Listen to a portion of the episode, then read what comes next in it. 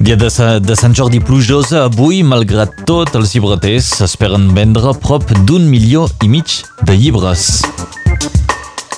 A l'actualitat parlem avui també del judici contra el procés que reprèn avui amb el retorn dels testimonis polítics. I l'actualitat esportiva destacarem el resultat dels dracs catalans que ahir van guanyar a Gilbert Bojus contra Castelfort.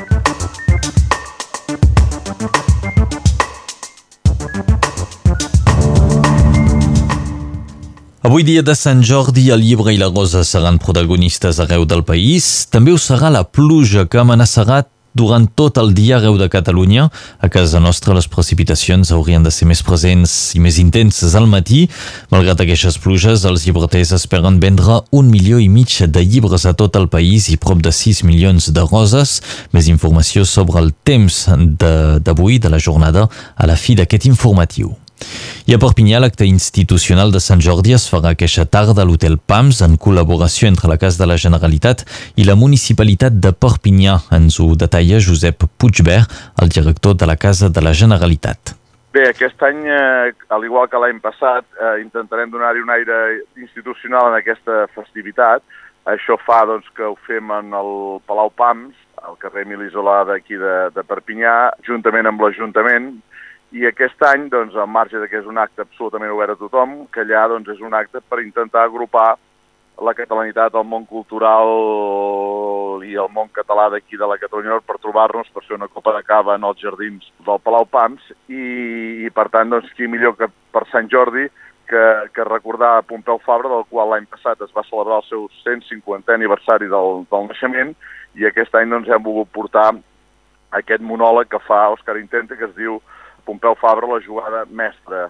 I per tant, doncs, eh, en l'acte, eh, a les 6 de la tarda, al Palau Pams començarem amb uns eh, petits parlaments institucionals, tot seguit es llegiran poemes de Simona Gai, es passarà a la interpretació del monòleg eh, escrit i dirigit i interpretat per Òscar Intente i tot seguit després prendrem una copa de cava en els, en els jardins del Palau Pan. Bé, d'aquí les explicacions de Josep Puigbert, director de la Casa de la Generalitat. L'acte institucional serà doncs avui a l'Hotel Pams a les 6 i a notar que a la mateixa hora, també a les 6, es faran lectures de Simona Gai a la llibreria catalana, lectures que seran seguides d'un assaig dels castellers del Riberal. I demà a la Casa de la Catalanitat es presentarà el llibre de la Catalunya i l'Espanya les clés du conflit. L'acte és organitzat per l'Aliança per les Llibertats de Catalunya i per l'editorial Balzac i serà presentat per Pere Manzanares.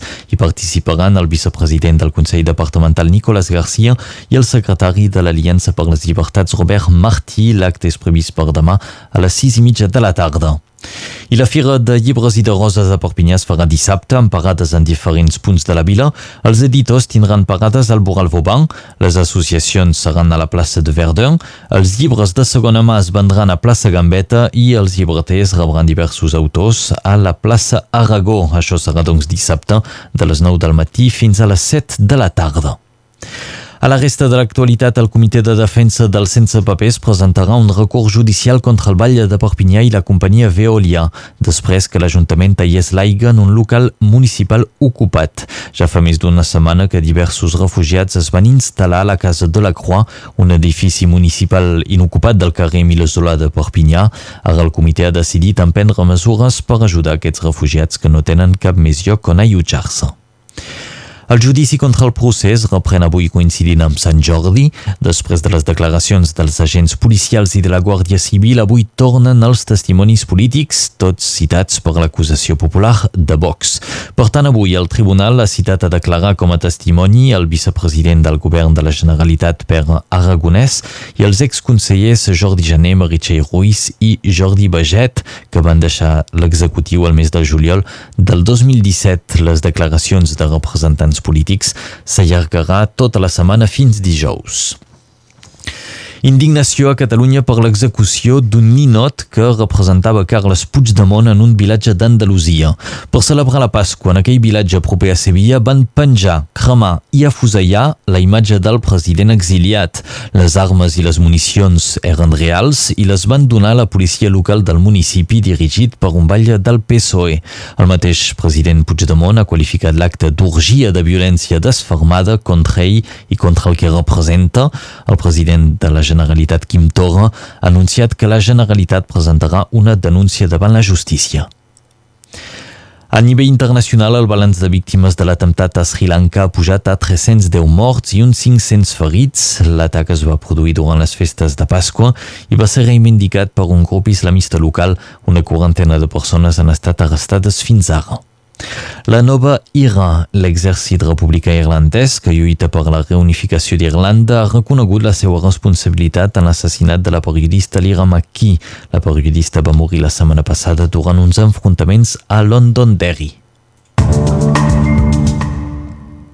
Els esports i victòria dels dracs catalans ahir a Gilbert Brutus. Els catalans es van imposar per 37 a 16 contra Castelfort, un resultat que els hi permet mantenir-se a la part alta de la classificació. El pròxim partit dels dracs es jugarà al camp de líder diumenge vinent. I en futbol el Barça està a un pas d'aconseguir el títol de Lliga. Avui els blaugrana afronten l'Alavés a les 9 i mitja del vespre. Per ser campions el Barça encara no depèn d'ell mateix i ha d'esperar les derrotes dels seus rivals directes. I anotar que avui també juga el Girona, que lluita per mantenir-se a la primera divisió. El Girona es desplaça avui al camp del Valladolid a les 8 i mitja.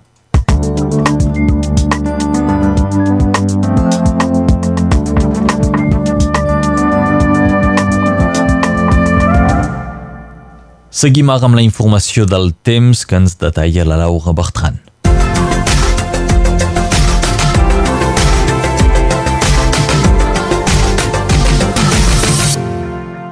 Es preveu un dia de Sant Jordi passat per aigua.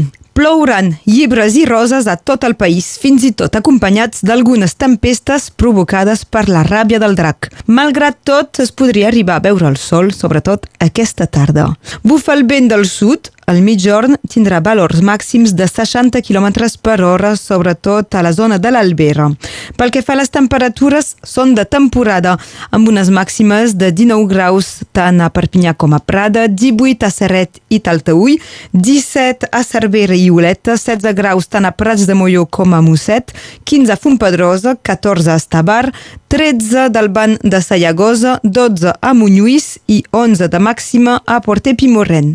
El 23 d'abril més calent de la història a Ribes Altes va ser el de l'any 1924, quan va fer 29,3 graus. El sol avui es pondrà a les 20.39 i ja arribarem a les 13 hores i 45 minuts de llum del dia. Va ser el dia de Sant Jordi de l'any 1976 que es va publicar el primer número del diari Avui i el 2005 va ser el dia on es va penjar el primer vídeo a YouTube. Des de llavors n'hi ha uns quants. També és el dia que van morir William Shakespeare i Josep Pla. La UNESCO l'ha declarat Dia Mundial del Llibre. La dita que destaquem avui és a l'abril, cada gota val per mil.